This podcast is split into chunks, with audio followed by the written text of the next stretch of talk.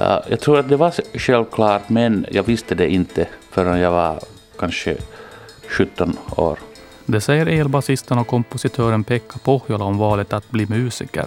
Han föddes 1952 i en musikalisk familj och började tidigt att studera vid Sibeliusakademin i Helsingfors. Men ganska snart tog intresset för rock och popmusik över och Pekka bestämde sig för att bli elbasist. Men sin grundläggande musikutbildning den fick han på två andra instrument. Uh, ja, vi började med fiol.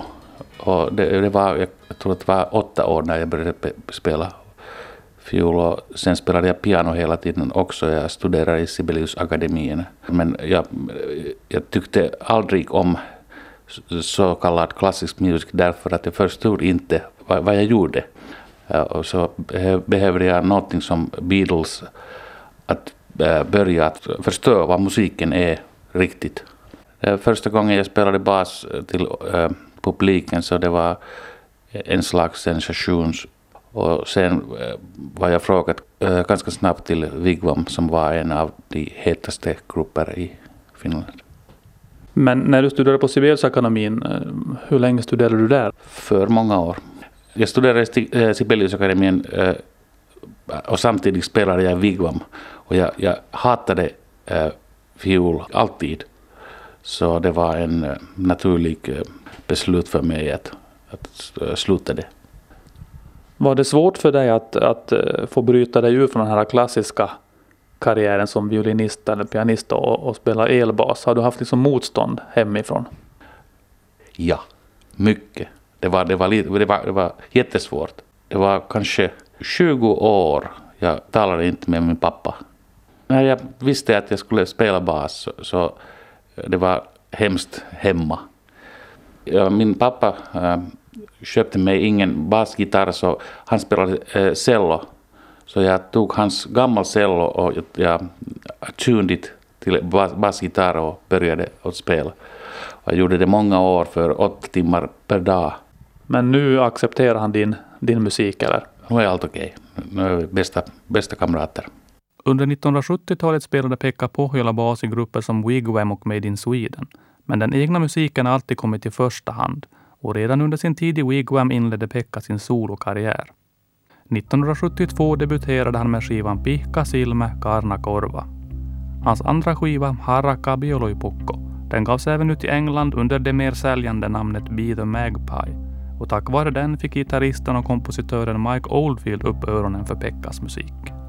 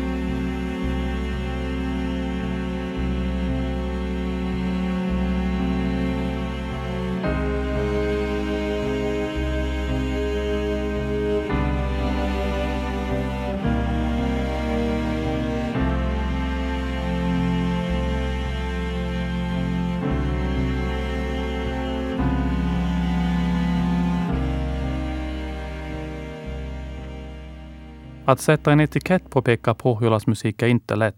Hur vill han då själv kategorisera sina kompositioner? Det här har jag frågats förut många gånger och jag har inget, inget svar för det. Jag komponerar inte för någon band. Det, det är bara musik som jag gör och det är alltid eh, beror om situationen, eh, vem som spelar det och hur det ska spelas. Så det, det egentligen spelar ingen roll om det är symfoniorkestra eller om det är en rockband. Nu, nu skriver du en del klassisk musik också. Du har skrivit en symfoni vet jag. Det, skriver du någonting nu för symfoniorkester?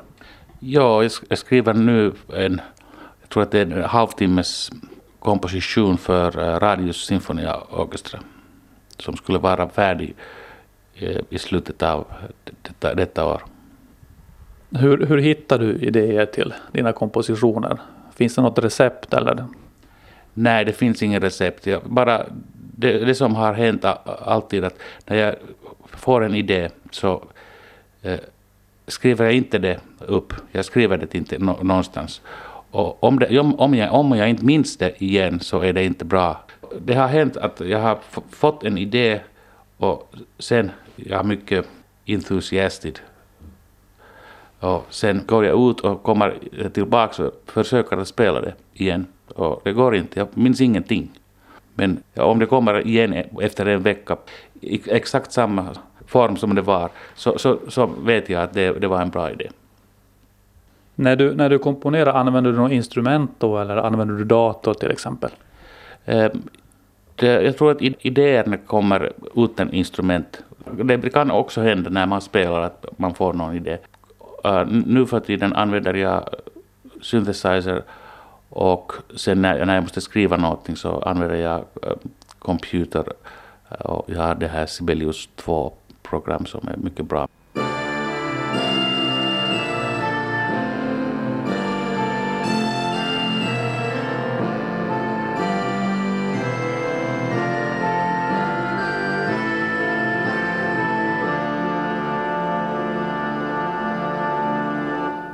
Skriver du någon filmmusik till exempel?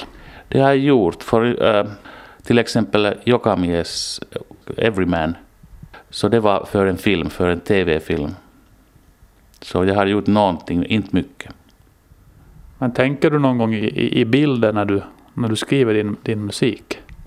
Jag tror att det är bara bilder och bara sådana där omedvetna idéer som kommer ut. Och de är bilder och därför tror jag också att det, jag är inte en bra uh, kompositör att skriva uh, filmmusik därför att jag tror att min musik har för många bilder i sig själv. Så det är inte bra att göra tårta på tårta. Du vill att när man lyssnar på din musik så ska man se någonting framför sig? Ja, det gör jag. Jag, jag har hört en anekdot om en liten pojke som är en kompis till min kompis. Det är hans son, tre år, som har lyssnat på en, en låt som jag har gjort. Och han vill alltid, han vill inte lyssna på barnmusik, han vill lyssna på den där låten och han har alltid en olik berättelse om vad händer. Det är det bästa som jag har hört om en musik. Vilken låt är det? Det är Fanatic Answers.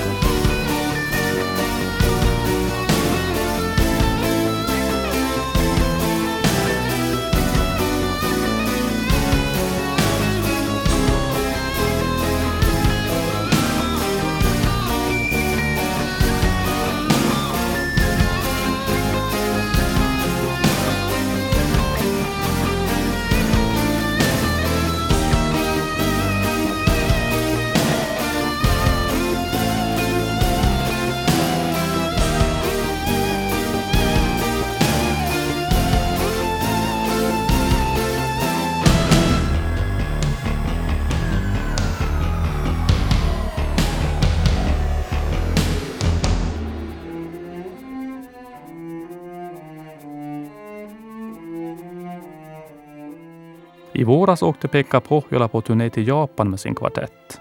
Men han spelar inte live speciellt ofta på hemmaplan. Det enda som erbjuds är klubbspelningar som startar så sent på kvällen att nästa dags komponerande lätt blir lidande, säger Pekka. Känner han sig då mer som kompositör eller mer som basist? Uh, mer som kompositör nu för tiden. Uh, tidigare både och. Men det har all, jag har all, aldrig kunnat göra någonting som jag tycker om att spela också. Jag har försökt att börja en börja låtar som skulle ge mig friheten att spela bas som jag vill spela, men det, det går inte. De lever sitt eget liv. Så att du komponerar inte musik som är, vad ska vi säga, speciellt för en basist? Nej. Men ändå lägger du gärna in viktiga basstämmor och något solo kanske i musiken? Jo, det gör jag, men jag, jag kanske inte borde göra det. Göra det därför att det, eh, det jag, jag, tycker inte om solos nu för tiden därför att om, om det finns en solo så måste det vara någonting annat i bakgrunden som eh, ger dig musikal kvalitet. Så du menar ett, ett bassolo i sig menar du att det är ingen i sig någonting bra eller nödvändigt? Nej, det är inte nödvändigt. Det, det, eh, någonstans det, det kanske är därför att det äh, äh, ger färg, någon, någon slags färg för en låt. Men en solo som en solo som i jazz, det, det är en olik sak. Så jag, jag, tror att mina, mina låtar behöver inga solos för solos.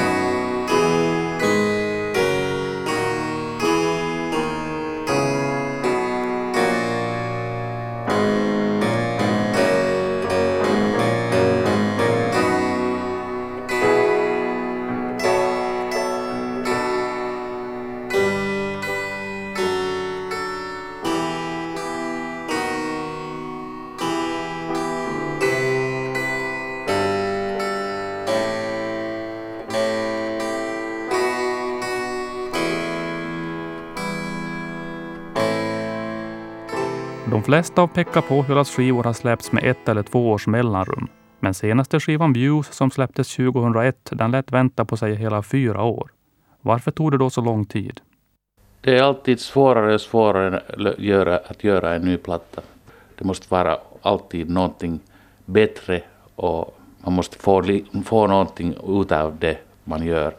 Om jag har gjort kanske är det 13 skivor så det är svårare och svårare att hitta idéer som, som jag kan köpa mig själv.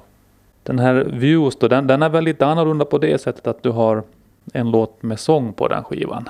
Hur kommer det sig att det finns sång med? Eh, jag tycker, tycker att använda sång men, men jag har inte hittat bra ord eller äh, bra sångare som kan göra det så att det låter som musik. Men det här äh, Bukowskis Red Porsche, det var gjort för en äh, skådespel och jag har alltid önskat att göra det någonstans men det, det funkar inte i den här helheten med de andra låtar som jag har gjort. Och jag bara, nu, nu gör det det, jag bara. Jag, jag tänkte inte på det, om det funkar där eller inte. Jag läste någon recension av den här senaste skivan och då tyckte de väl att det fanns lite drag av Frank Zappa. Vad säger du om en sån sak? Det är en bra sak därför att jag, jag, jag har alltid tyckt, tyckt om Frank Zappas eh, humör. Och jag tror att det här texten av Bukowski så det har det samma ironi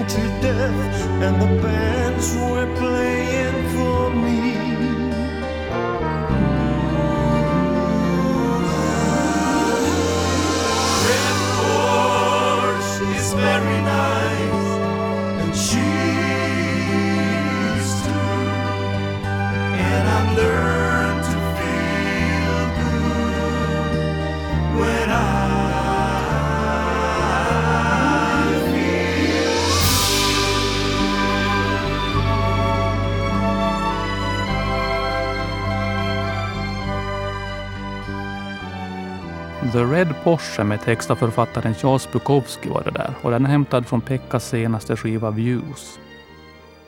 Under senare delen av 70-talet samarbetade Pekka en del med gitarristen Mike Oldfield. Hur kom då det samarbetet till? Uh, det startade med Virgin Records, uh, Richard Branson som de sökte uh, musiker som skulle få Mike att komma ut. Han var mycket blyg, blyg och ville inte eh, spela för publik. Så Richard Branson försökte att hitta musiker som skulle eh, kanske få honom ut. Och för någon anledning så, så hade han eh, hört Harakka Bielopokku, Be the Magpie. Och Mike tyckte om det och så fixade de att vi skulle eh, mötas i hans hem. Och jag, jag var där för en vecka. Och vi, vi spelade ingenting, vi bara pratade och sen vi gick till eh, pubbar och eh, drack öl eh, och pratade om musik och allting annat. Ja. Sen när han hörde att jag, jag var i Stockholm, vi gjorde äh, Skuggornas tjuvstart och så det var no, några bakgrunder hade gjort så han, han ringde mig till studion och frågade om han äh, kunde producera det där plattan. Och så, sen tog jag, tog jag tejparna med mig och fl- flög till England och sen gjorde vi det där. Har du medverkat på någon av hans skivor? Vi gjorde en europeisk tour så vi var i alla största städerna i Europa och sen gjorde vi en, det finns en uh, liveplatta från det där. Har du någon kontakt med Mike Oldfield nu för tiden? Nej, ingenting. ingenting. Förra, den första konserten, de sista konserterna i, i Wimbledon st- äh, stadium så äh, tog Mike äh, några av de, de där mig, trummisen, andra gitarrspelare till en pub och frågade vad ska ni göra efter det här, när det här är slut. Så jag var, jag var lite trött av, äh, av att spela hans musik så jag sa direkt att jag ska gå hem och göra mitt egen band. Vad jag lärde från det, den där turnén var det att det är möjligt att spela vad slag som helst musik live. Så därför eh, var det möjligt för mig att tänka att kanske det är möjligt att spela mina låtar också live.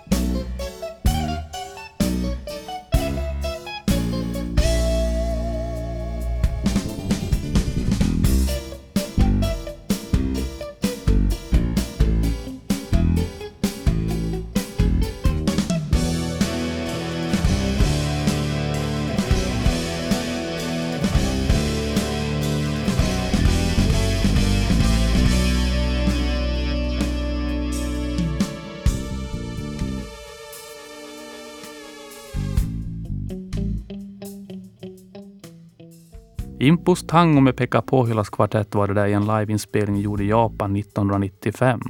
Och förutom bandledaren själv på bas så hörde vi Seppo Kantonen på keyboards, Markku Kannerva på gitarr och trummisen Anssi Nukkanen.